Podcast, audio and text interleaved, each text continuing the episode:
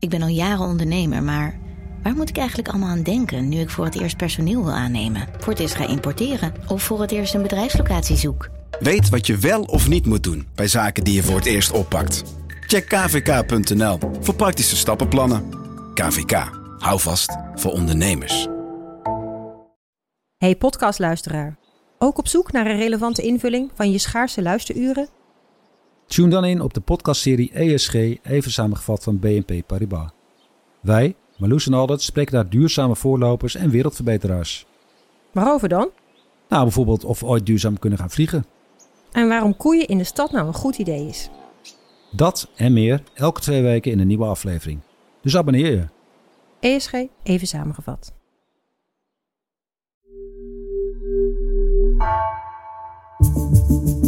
Vanaf de redactie van NRC het verhaal van vandaag. Mijn naam is Floor Boon.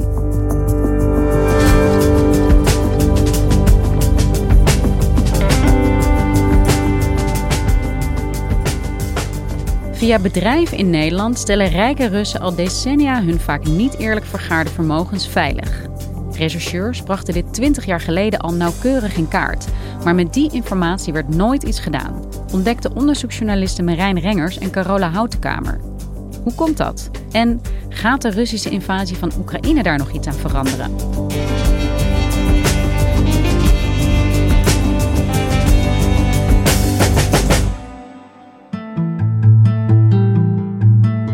Op 9 maart, ik was op de krant samen met mijn collega Carola Houtenkamer en er kwam een tip binnen. Iemand zei, je zou eens contact kunnen zoeken met Robert Dekker. Het is een voormalig politieagent en die heeft 20 jaar geleden allerlei onderzoeken gedaan naar Russisch geld in Nederland. Nou, dat was natuurlijk op dat moment buitengewoon relevant. Dus we hebben contact gezocht met Robert Dekker en twee dagen later gingen we met de trein en Robert Dekker haalde ons op met zijn auto, reed ons naar zijn huis en hij had een wat uh, wilde rijstijl. Dus we waren allebei best wel misselijk toen we daar aankwamen. Raampjes open. Maar goed, aan zijn keukentafel, hij serveerde kippensoep, viel het allemaal op zijn plek. En toen we eenmaal een beetje waren bijgekomen, wat kleur op de wangen hadden, trok hij uit zijn kast een aantal oude onderzoeksrapporten waarop stond zeer vertrouwelijk. En al die onderzoeksrapporten, al die analyses gingen over Russisch geld, Russische miljarden, Russische bezittingen die via Nederland werden weggesluist naar Cyprus, naar Zwitserland. En de mannen die dat deden, de mannen van wie dat geld was, dat zijn de oligarchen, de mensen die wij nu kennen als de grote eerste generatie oligarchen. Ja, uh, Marijn, jij bent uh, onderzoeksjournalist, net als Carola Houtenkamer. En je hebt het hier over Russisch geld. Hè? Daar, ja, daar is nu wel volop aandacht voor sinds Rusland Oekraïne is binnengevallen. Nee, volledig. En ik ben er ook van overtuigd dat een aantal mensen makkelijker en met meer verontwaardiging met ons heeft gepraat vanwege de oorlog. Kijk, geld ziet er heel clean uit, een constructie, een BV, een stichting. Maar als je vervolgens op de televisie ziet dat Mariupol kapot wordt geschoten, dan realiseer je je dat het niet alleen maar geld is, maar dat het ook ergens voor gebruikt wordt, dat het een systeem ondersteunt. Ja, en dit was dus bij een man die dat op de keukentafel had liggen, maar niet waar een of andere instantie misschien nu onderzoek naar doet. Nee, totaal niet. Robert Dekker was extra gemotiveerd om ons dit te laten zien, om zijn oude rapporten en zijn verhaal te vertellen, omdat hij het weekend daarvoor minister Wopke Hoekstra bij Buitenhof had horen vertellen dat we dit toch allemaal niet geweten hadden. En dat hij ervan geschrokken was van al die Russische miljarden die door Nederland lopen. Ik vind dat wij daar uh, te lang ons niet gerealiseerd hebben waar dat voor gebruikt wordt. Ik vind het goed dat die oligarchen nu worden aangepakt. Ik vind het ook volslagen terecht, heeft de Kamer ook afgelopen maandag gezegd. Laten we nou alles op alles zetten om ook te zorgen dat ons financiële systeem daar niet voor gebruikt wordt. Maar, zei Robert Dekker, Wopke Hoekstra, het ministerie van Financiën, ze hadden het wel kunnen weten als ze maar gewoon die oude rapporten hadden gelezen en alles wat er daarna gebeurd is met dat onderzoek naar Russisch geld.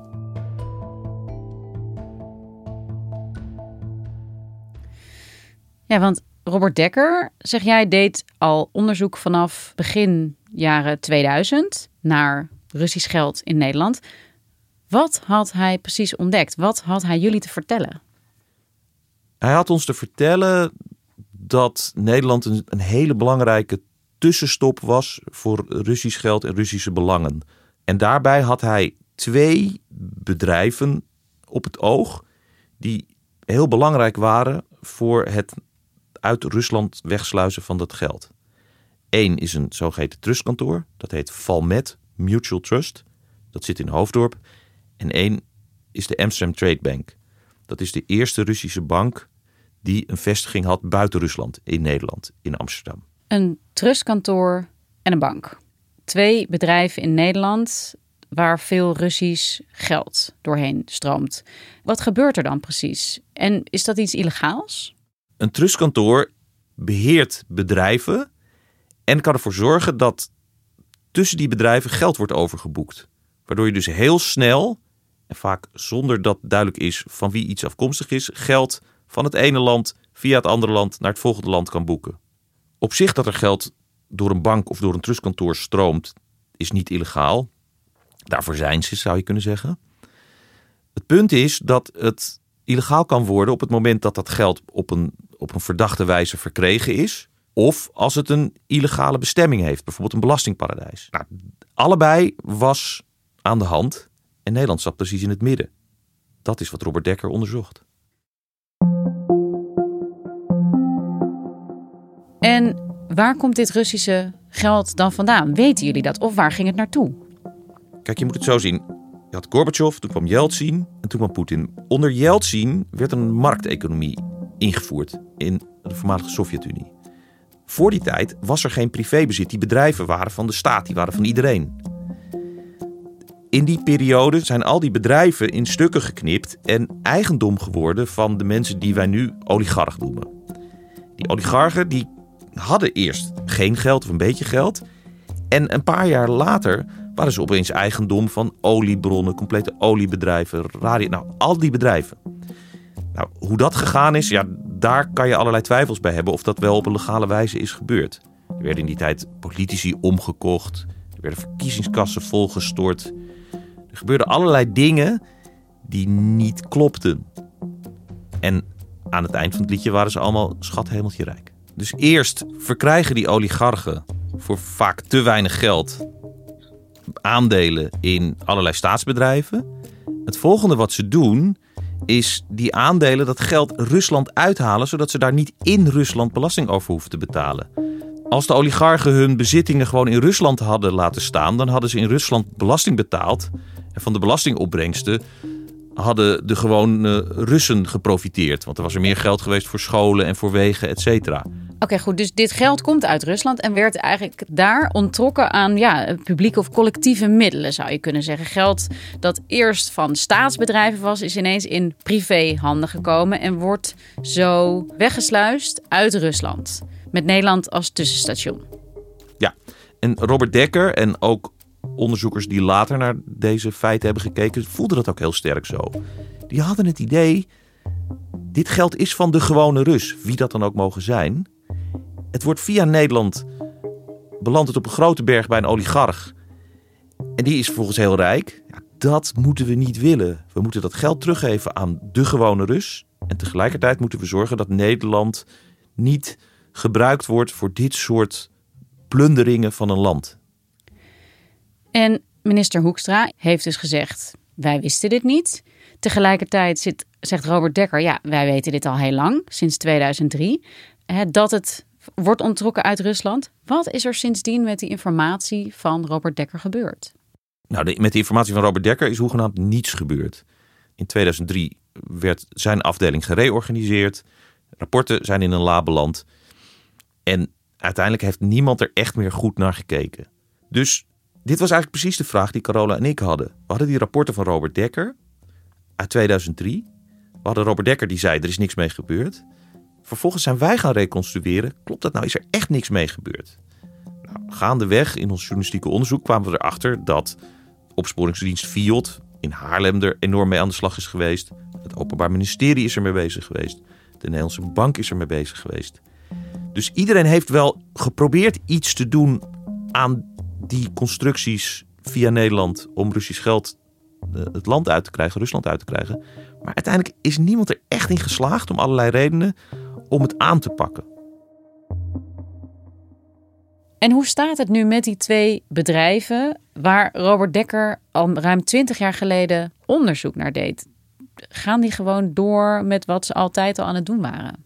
Nou, ze bestaan allebei nog. Dus dat is al best opmerkelijk. De een is nog steeds een bank, de ander is nog steeds een trustkantoor. Ze zeggen allebei nee, van de foute Russische klanten hebben we afscheid genomen. Het is jaren geleden, we zijn nooit veroordeeld. We hebben dingen aangepakt, wij zijn nu schoon. Dus voor ons is dit oud nieuws. Wij zijn off de hoek. Nou, wat is nu de status van alle onderzoeken? Bij Valmet is het onderzoek afgesloten. Hebben ze te horen gekregen, jongens, er is geen verdenking meer, het wordt geen strafzaak. Dat onderzoek is dicht. Bij de bank zijn de opsporingsdienst, is de Field, in 2017 binnengevallen. En dat onderzoek dat sleept zich een beetje voort. Dat heeft niet heel veel voortgang. En mensen die wij hebben gesproken zeggen, nou, we moeten nog zien of dat op korte termijn of überhaupt tot een strafzaak en een veroordeling leidt. Robert Dekker constateerde aan zijn keukentafel terecht: ja, sinds ik dit heb opgeschreven 20 jaar geleden, is het eigenlijk altijd gewoon doorgegaan. We stonden erbij, we keken ernaar, we deden wat onderzoek, maar uiteindelijk bleef het geld vloeien. Ja, als je, als je het zo vertelt, hè, 20 jaar onderzoek naar Russisch geld in Nederland en dat is in een la verdwenen. Hoe, hoe kan dat dan? Waarom is er al die jaren niets mee gedaan? Je ziet eigenlijk twee dingen gebeuren in die onderzoeken naar Russisch geld. Je hebt het spoor van de rechercheurs, de, de politieagenten, de mannen van de werkvloer, die heel gedreven blijven speuren naar strafbare feiten. Die hebben echt het gevoel, het klopt gewoon niet. Ze reizen naar Rusland, ze reizen naar Riga, ze reizen naar Zwitserland. Ze blijven zoeken. Dat is het ene spoor. Het andere spoor is het spoor van het Openbaar Ministerie, die uiteindelijk een strafzaak voor de rechter moeten brengen. Bij het Openbaar Ministerie gebeurt iets anders. Die hebben die gedreven rechercheurs, een soort opvolgers van Robert Dekker, die proberen die zaak rond te krijgen. Maar er gebeuren in de wereldpolitiek, in de geschiedenis van de oligarchen, een aantal dingen waardoor ze bij het Openbaar Ministerie het gevoel krijgen: hmm, willen we dit wel? Zijn we niet beland in een soort geopolitiek spel? Zijn we niet Vladimir Poetin aan het helpen misschien? En die tegengestelde bewegingen maakt dat uiteindelijk het grote onderzoek naar Russisch geld omstreeks 2015, 16 totaal nog een keer dicht gaat. En waarom zouden ze Vladimir Poetin hiermee helpen? Vladimir Poetin, toen hij aan de macht kwam, zei: Rusland wordt uitverkocht. En daar had hij ook wel een beetje gelijk in. En Vladimir Poetin zei: Ik ga dat geld, maar ook die mensen die met dat geld er vandoor zijn gelopen, pakken. Ik ga ze terughalen naar Rusland. En daarvoor had hij Nederland nodig. Dus wat Poetin ging doen, is de fiscale politie, de Russische fiscale politie, liet die invallen doen bij al die bedrijven van die oligarchen. Daar vond hij stukjes constructie via Nederland. Vervolgens liet hij de Russische autoriteiten informatieverzoeken naar Nederland sturen. Van hé hey jongens, wij zien dat dit bedrijf via Nederland uh, in Zwitserland of op Cyprus beland terecht is gekomen. Dit ziet er fishy uit, help ons. Dus wat begon als een zaak waarbij er geld werd teruggegeven aan de gewone Rus, want zo voelden de rechercheurs het, werd gaandeweg een zaak waarbij Vladimir Poetin zei: Ik wil dit geld terug. En de verhoudingen verharden en veranderden. En dat precies definieert het ongemak dat bij het Nederlands Openbaar Ministerie leefde. Dat er misschien een, een, een oligarch, een vijand van Poetin, in de gevangenis zou belanden. op basis van informatie die Nederland aan Poetin had verstrekt. Ook al deugde het misschien niet wat die oligarch vijf jaar, tien jaar eerder had gedaan met zijn geld via Hoofddorp, dan nog wilde het Openbaar Ministerie niet op die manier in een politieke afrekening in Rusland belanden.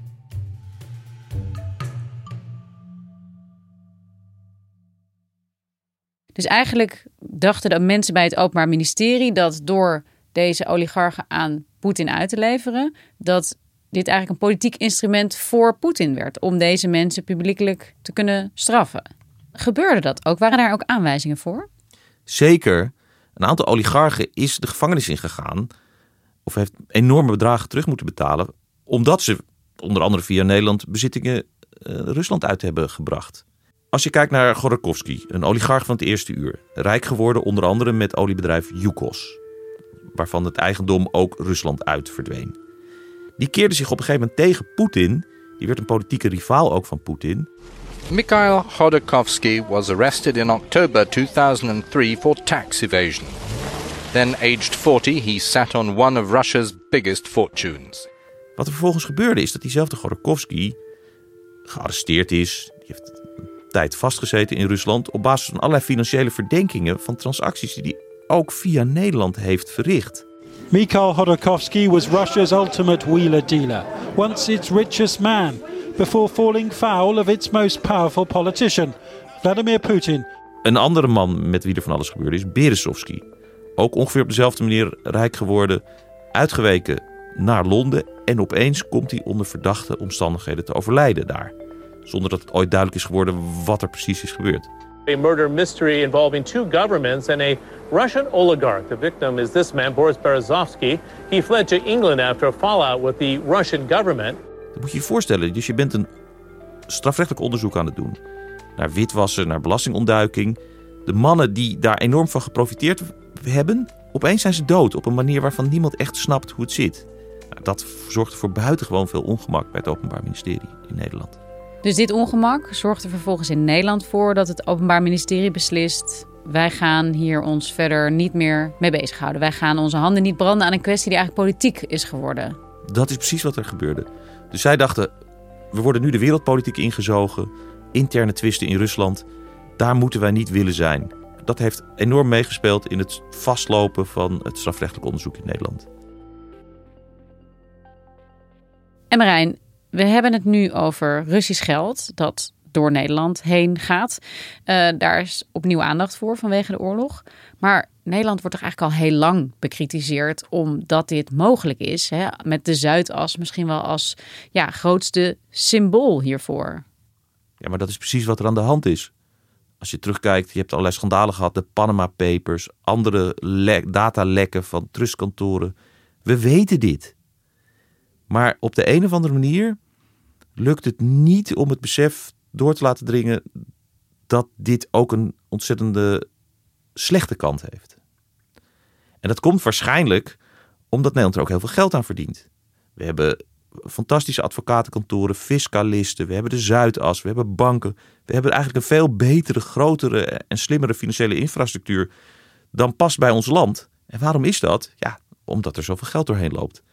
En dat koesteren we ook. Dus dat laat zien wat Nederland was en waarschijnlijk nog steeds is. Een belastingparadijs. Een belastingparadijs, een doorsluisland, een land waar we niet echt geïnteresseerd zijn in de herkomst en bestemming van grote bedragen die via ons land vloeien. En daarmee zijn we eigenlijk altijd kwetsbaar voor problemen zodra er ergens in de wereld blijkt dat, dat, dat een regime of een bedrijf foute dingen aan het doen is.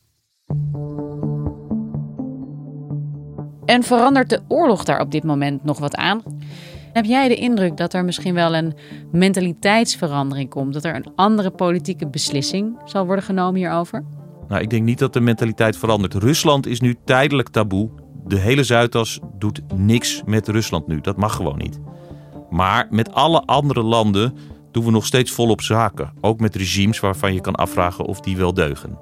Een voorbeeld is, we spraken met een oud-officier van justitie, die nu advocaat is.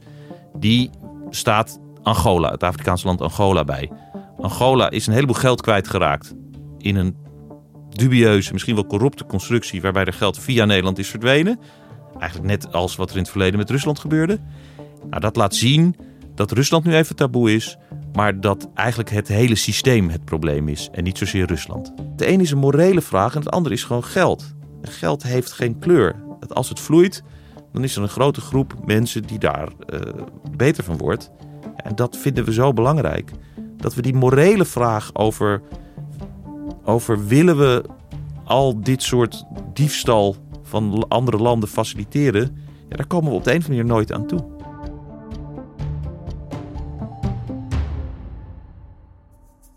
Dankjewel Marijn. Graag gedaan. Je luisterde naar vandaag, een podcast van NRC. Eén verhaal, elke dag. Deze aflevering werd gemaakt door Julia Vier en Jeroen Jaspers. Dit was vandaag. Morgen weer.